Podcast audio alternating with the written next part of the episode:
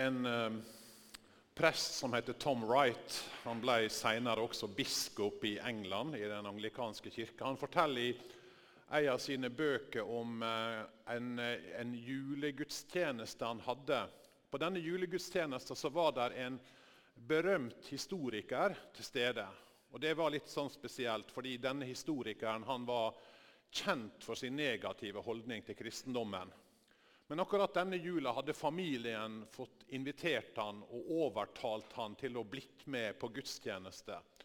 Og etterpå, etterpå så går han bort til Tom Wright, og så hele ansiktet et stort, stort smil. Og så sier han jeg har endelig funnet ut hvorfor folk liker jula. Å, sier Tom Wright. Hvorfor det, da? Jo, sier han, en baby er ikke truende for noen. Så hele greia er ei vakker historie som ikke betyr noe i det hele tatt. Og kanskje er det sånn mange tenker om jula.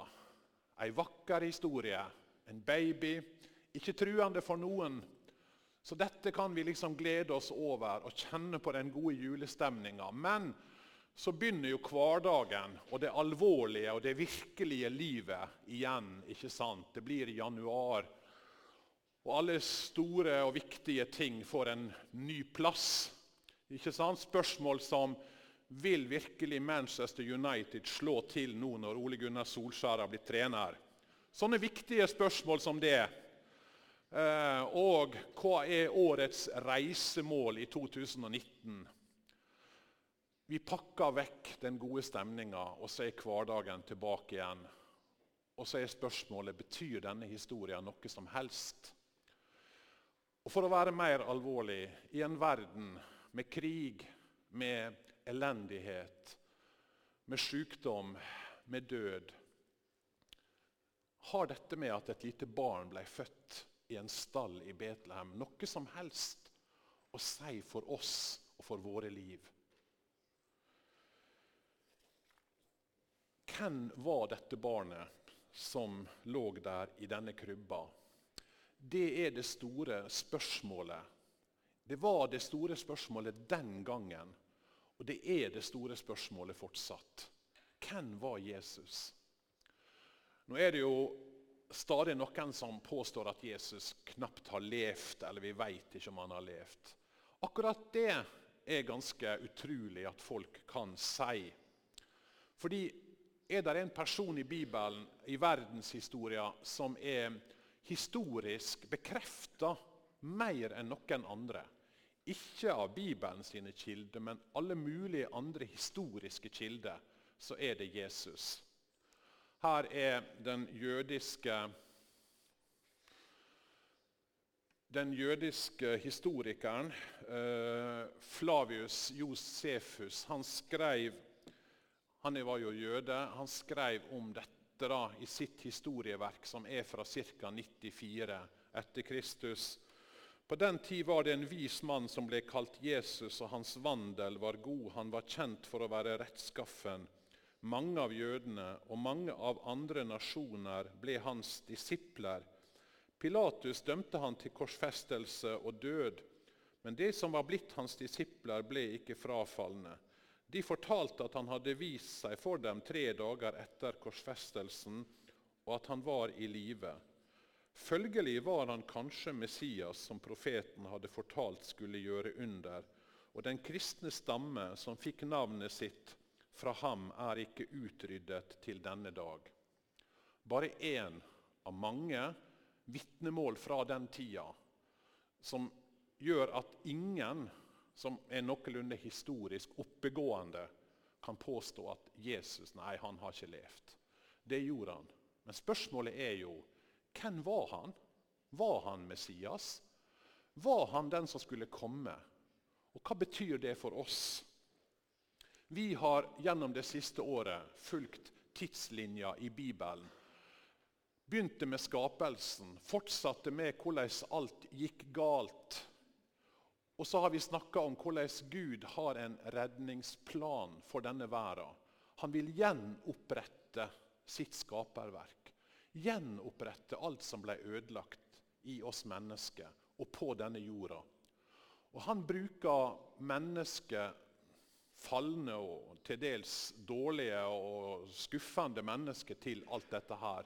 Han begynner med Abraham, og så sier han til Abraham i de ett, i de ett Abraham, skal alle jordas folk bli velsigna. Og så har vi fulgt denne tidslinja, denne planen, denne røde tråden i Bibelen om hvordan Gud velger ut et folk, en nasjon, fører dem tilbake igjen til landet de hadde mista, til løftets land. Og Der sier han dere skal en dag få en konge som skal gjenopprette alt. Han taler gjennom profetiene, slik vi hørte her før jul, om en som skulle komme. Og så kom et lite barn, en liten baby, i en stall, i en utkant av verden. Er det bare ei en fin og koselig historie som ikke betydde noe, og som ikke betyr noe? Hvis du hadde vært i Betlehem i år null, så ville du i alle fall ikke sagt det. For dette barnet er fra første stund truende for alle som hadde makt Truende for de religiøse lederne, truende for Herodes, den mektigste personen i dette området. Han blir redd. Han legger en plan. Han dreper alle guttebarn fra to år og ned til null for å være sikker på å få utrydde dette barnet. En koselig og hyggelig historie? Nei. I sentrum av julebudskapet er et barn, men et barn som gjør krav på å være kongenes konge og herrenes herre. I løpet av én generasjon blir hans tilhengere forfulgt over hele verden. Over hele det romerske riket. Hva du enn måtte mene om Jesus ja, De som hadde makt, så på han som en trussel så på han som en trussel mot sin egen makt. Helt fra første stund så ser vi skyggen fra korset over Jesu liv. Herodes prøver seg med et komplott. Han vil ha de vise mennene med på en plan for å utrydde, de, utrydde barnet. Og en engel må advare Josef i siste sekund, og de flykta fra Betlehem. Herodes, Hvem er denne Herodes? Jo, det var Herodes den store. Fra 73 ca. før Kristus til år 4 etter Kristus. Kanskje ikke hørt så mye om han, men han var en maktperson av verste slag. Han nølte ikke med å drepe sine egne familiemedlemmer når han følte at makta si ble trua. Han drepte til og med sin egen kone i år 29 før Kristus, for han var redd for å tape makt. Han ga ordre om at han, den dagen han døde, så skulle hans soldater drepe alle voksne menn i Jeriko. Kan dere tenke dere det? Drep alle voksne menn i Jeriko. Hvorfor? Jo, for han visste at folk ikke ville gråte over han, men da ville de i alle fall gråte den dagen en maktperson av ganske ille slag. Men makt korrumperer. Makt ødelegger. En del av oss eh, har sett filmen om Idi Amin i Uganda. Og Det som slo meg når jeg så denne filmen, 'The King of Scotland', heter han, eh, det var jo at Idi Amin var egentlig en ganske flott fyr i starten. En ganske sympatisk. Han ville det beste for folket sitt. Og Så får han muligheten, så får han makt. Og så korrumperer det, og så ødelegger det han. Så blir han en despot. Og Han er ikke alene. Slik også med Herodes. Jesus ble født inn i en verden full av trøbbel, kamp, frykt og vold. Glem alle idylliske historier om ei fredfull julehistorie. Den var ikke fredfull. Han som blir kalla fredsfyrsten. Før han hadde lært å gå, så var han på flukt. Han var flyktning i et fremmed land, i Egypt. Nå er ikke det det siste vi får høre om denne Herodes, den Herodes-slekta. Bare en liten parentes. For sønnen til Herodes den store, Herodes Antipas, ja, han er den samme vi hører om senere i Det nye testamentet. Det er han som får halshogd Johannes. Det er han Jesus blir ført fram for, og som kler Jesus i ei purpurkåpe og er med på å gjennomføre korsfestelsen. Det er Herodes Antipas, sønnen til Herodes den store. Og Gjennom hele Jesu liv så ser vi Jesus vekte motstand. Og Hvorfor gjorde han det? Fordi her er en som sier 'Jeg er Guds sønn'. Jeg er Gud. Den som har sett meg, har sett far, sier han. Og Det vakte motstand, det vakte frykt. Det utfordra de mektige. Fordi han kom med en annen slags autoritet. Ikke fordi han sjøl ville bli konge og ta over for Herodes, selvfølgelig ikke, men fordi han er en annerledes konge. Han er Gud, og han sier det er bare Gud som skal tilbes. Ikke disse menneskelige kongene. Ikke disse menneskelige despotene skal tilbes. Bare Gud. Det er Gud som er alt, slik som vi sang. Det vesle barn i Betlehem, synger vi. Han var en konge stor, som kom fra himmelens høye slott. Og Det er noe mennesket til alle tider har hatt problem med. Og det har vekt hat og forfølgelse gjennom alle generasjoner. Jødene stilte et spørsmål. Når kommer Messias? Når kommer Messias? Når kommer denne kongen som skal sette alt i rett stand? Når han kommer, ja, så vekker han ikke den gleden og tilbedelsen som en skulle kanskje ha trodd. Han vekte motstand. Han kom til sitt eget. Hans egne tok ikke imot han. Det er jula sin tragiske historie. Men det var noen som så lenger, og som så at dette var noe helt annet enn det de hadde venta på som så at dette var Gud, og som kom for å tilbe og hylle han. Og Vi har lest om de tre Antagelig var de kanskje tre, det vet ikke vi. Vi tror det jo tre fordi det var gull, røkelse og myrra. ikke sant? Men det står ikke om hvor mange de var, disse vismennene. De kom for å hylle Jesusbarnet.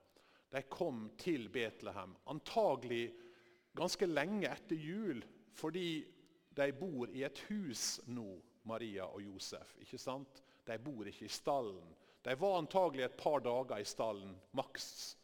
Så fant de et hus i Betlehem, og der var de. Og Det var der vismennene kom og møtte dem. Hvor disse kom fra, det vet ikke vi, men antagelig fra det som er dagens Irak.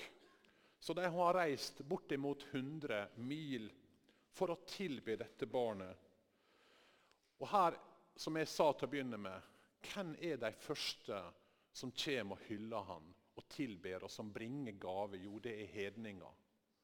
Og Det er derfor denne dagen i kirka er misjonens dag framfor alle. For den minner oss på om at evangeliet det gjelder alle mennesker. Gjelder alle mennesker.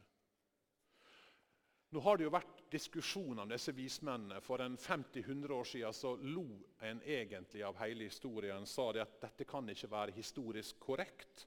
At hedenske vismenn eller filosofer skulle komme og leite til en jødisk konge etter Messias. Så en avviste hele denne fortellinga i Matteus. Og så har en de siste åra oppdaga og lært mer om denne kulturen. Og så har en sett at i denne kulturen så var det svært mange av vitenskapsmennene som også var astrologer, som studerte stjernehimmelen. Og vi har lært at det var en veldig forventning i disse miljøene at når det skjedde noe viktig, så ville det vises på himmelen. Store konger ble markert gjennom tegn på himmelen. Et eksempel da Julius Cæsar ble drept snikmyrda bl.a. av Brutus. da, Ikke bare av Brutus, men av andre. Han hadde jo 23 knivstikk da han ble drept. I år 44 før Kristus.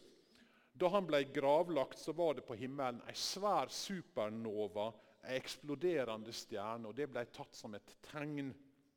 Det ble nærmest som et bevis på at når en stor konge ble født eller døde, så ville en se tegn på himmelen.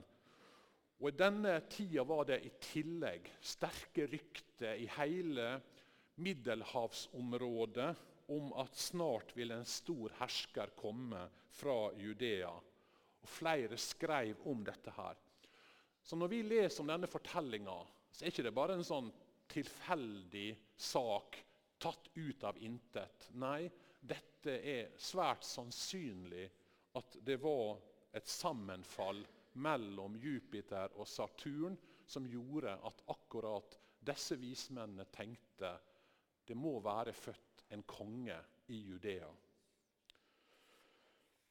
Men vi hører altså ikke om gjetere i Matteusevangeliet. Nei, de begynner med vismennene. Og Hvorfor gjør Matteus det? Hvorfor denne fortellinga? Kanskje for å lære oss noe om at her har du de som var de intellektuelle eliten på den tida. Dette var de kloke. Dette var de vise. Og så er det noe med at Matteus viser oss at denne verden sin visdom i møte med Guds visdom faller igjennom. Vi tenker jo så fort at ja, vi er kloke. Vi lever jo tross alt i 2019. Vi har oppdaga mye, og vi kan det meste. Vi veit mye mer enn det folk gjorde før i tida. Og så er det som om Bibelen snur opp ned på dette her. Og så sier den når det gjelder Guds visdom, så er den så uendelig mye større. Så uendelig mye annerledes. Slik som Paulus skriver om i første kor Rinterbrev. Hvor er de vise? Hvor er de skriftlærde? Hvor er denne verdens kloke hoder? Har ikke Gud vist at verdens visdom er dårskap? For da verden ikke brukte visdommen til å kjenne Gud i hans visdom, besluttet Gud å frelse dem som tror, ved den dårskapen som vi forkynner. Det er som om Bibelen sier ja, her, du kan være så klok du vil i møte med Guds visdom. Så er Guds tanker, Guds veier, så mye annerledes, så mye større, så mye høyere enn det som du tror du har forstand på. Og det er her at visdommen ikke bare er flyktig, men den er også overfladisk. Legg merke til hvor er det vismennene blir sendt hen for å leite etter dette barnet. Er det til Roma? Er det til hovedstaden? Er det til Alexandria, der verdens største bibliotek fantes? Hvis du skulle starte verdens største redningsaksjon, hvor ville du ha sendt denne frelseren? Ja, Kanskje ikke til Betlehem, kanskje ikke til utkanten av verden. Der er jo en historie, jeg vet ikke om dere har hørt den da, men Gud hadde jo egentlig tenkt at Jesus skulle bli født i Norge. Det var den opprinnelige planen. Men så fant han ikke tre vise menn som kunne komme fra øst. Det er en sånn svenskevits som eh, sikkert svenskene kan bruke mot Finland. Men poenget er jo det var en utkant, dette her. Det var ikke sentrum av verden. Det var ikke der visdommen var samla. Det er ei lita utkant. Vi satt i Sykkylven på kontoret i kirka og snakka om eh, Det var en som hadde vært i Åram. Åram er ei lita bygd på Sunnmøre. Og Så hadde han vært i Åram og så sa han, ja, jeg var i Åram sentrum i går. Og Så kom det tørt fra en annen enn ved siden av. Ja, Var du i Åram sentrum, eller var du i huset ved siden av? Omtrent sånn var liksom Betlehem. Det var en liten filleplass i et land i et utkant av verden. Og Her blir altså kongenes konge født i en stall. Det lukter gjødsel og møkk. Og hvem kom og hylla kongen? Gjetere, utskuddet, de som var forakta, som ikke kunne vitne i ei rettssak og disse vismennene, hedninger. Jesus ble født inn i en lutfattig familie i tillegg. når de skulle ofre etter fødselen, hva bar Maria fram? Jo, det var to duer. Du kunne velge når du fikk et barn, hva offer du skulle gi. Men det aller minste offer du kunne gi det for de aller, aller fattigste, det var to duer. Så her er Maria og Josef og dette lille barnet. De fattigste blant de fattige. Han vokste opp i ei snekkerbod. Han døde på et kors. Vi tror at verdens visdom er så fantastisk. Men Jesus viser oss at all annen visdom er egentlig uvesentlig. Jesus gjorde egentlig alt galt i forhold til det som visdommen forventa. Men Bibelen sier Guds dårskap er visere enn mennesker, og Guds svakhet er sterkere enn mennesker. Den viktigste personen i verdens historie han holdt seg unna alt som vi syns er viktig. Han ble født i en stall i en utkant. Der er kongenes konge født.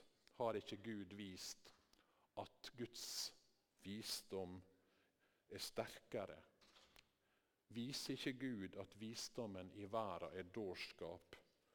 Og Denne julefortellinga utfordrer oss til å se og tenke gjennom når vi nå går inn i et nytt år. Hva er vesentlig?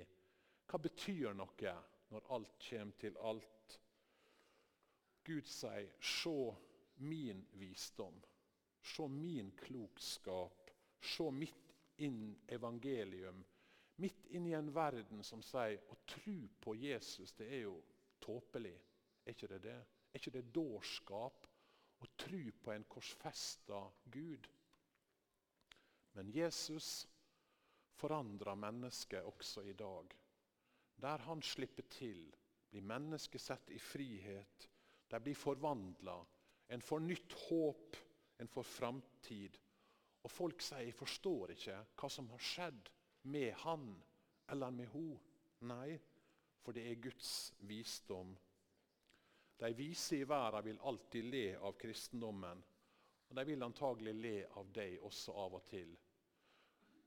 Når mennesker blir kristne, så møter de ofte uforstand. Nærmest sånn latter. Hæ? Kan du tro på dette her? Kan du tro på en Jesus født i en stall? En hyggelig historie? Ja. Koselig? Ja. Skape julestemning? Ja. Men mer enn det. At han er verdens frelser. At han er Gud. At han er Guds visdom og Guds forstand. Bibelen sier 'Hvor er de vise? Hvor er de kloke hoder? Hvor er de som kan hjelpe oss med å takle livet? Hvem skal hjelpe oss med å finne retning for livet våre? Og så vender vi oss til eksperter. Vi vender oss til statsmenn og filosofer og vitenskapsmenn. Og så hjelper de oss jo av og til halvveis. Sånn et stykke på vei. Men Bibelen sier visdommen i denne verden er ikke nok. Den viser oss ikke hvordan vi kan finne fram. Disse vismennene, hvordan fant de fram? Ja, vi tenker det var stjerner. Men det var jo egentlig ikke stjerna som hjalp dem. Hva var det som hjalp dem når alt kom til alt? Jo, det var Skriftene. Det var der de skjønte at det er i Betlehem dette har skjedd.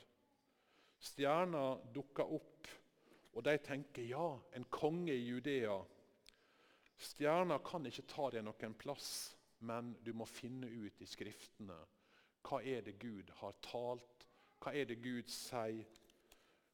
Og på veien til Betlehem så er det Skriftene som leder dem til den rette plassen.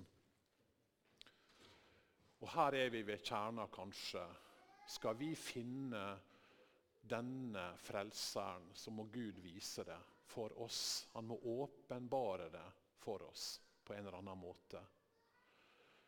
Derfor heter denne søndagen også Kristi åpenbaringsdag. Den er på en måte med å trekke litt sånn sløret til side, og så sier den dette barnet som vi nå har feira, og som har skapt god stemning også denne jula, han er noe langt mer. Han er noe langt annerledes, han er noe langt større enn dette. Vi trenger at Gud viser dette her for oss. Vi trenger å åpne våre hjerter. Din egen visdom, visdommen i verden, visdommen til sosiologer og psykologer, kan hjelpe oss på mange ting, men ikke til dette her. Til å finne tru, til å finne mening, til å finne håp og retning for livet. Gud må åpenbære det, og det var det Gud gjorde. Det var det Gud gjorde. Han kom sjøl og sa, 'Den som har sett meg, har sett Far.' Jeg er kommet for at dere skal ha liv og overflod av liv. Vil du finne fram? Ja, da må du finne dette barnet. Da må du finne denne Jesus. Og så må du åpne ditt hjerte, at han kan bli din frelser og din herre. Maria, når hun satt med Jesus på fanget, hun må ha tenkt hva er det som er Guds plan? Hva er det som er Guds visdom? Men kanskje ante hun det som jo er det store underet, at her er himmelen kommet til oss. Himmelen midt iblant oss. Når Han kommer inn i våre liv, ja, da kommer selve himmelen inn. Vil du finne veien, så må du finne Jesus. Åpne ditt hjerte for Han, så Han kan få være den som er din Herre, din Frelser, ditt liv og ditt lys. La oss be. Jesus, vi ber om at du må vise for oss at du er virkelig er Gud som er kommet til oss inn i vår mørke verden for å gi oss lys og håp og framtid. Hjelp oss så vi åpner våre hjerter for deg, tar imot deg. Amen.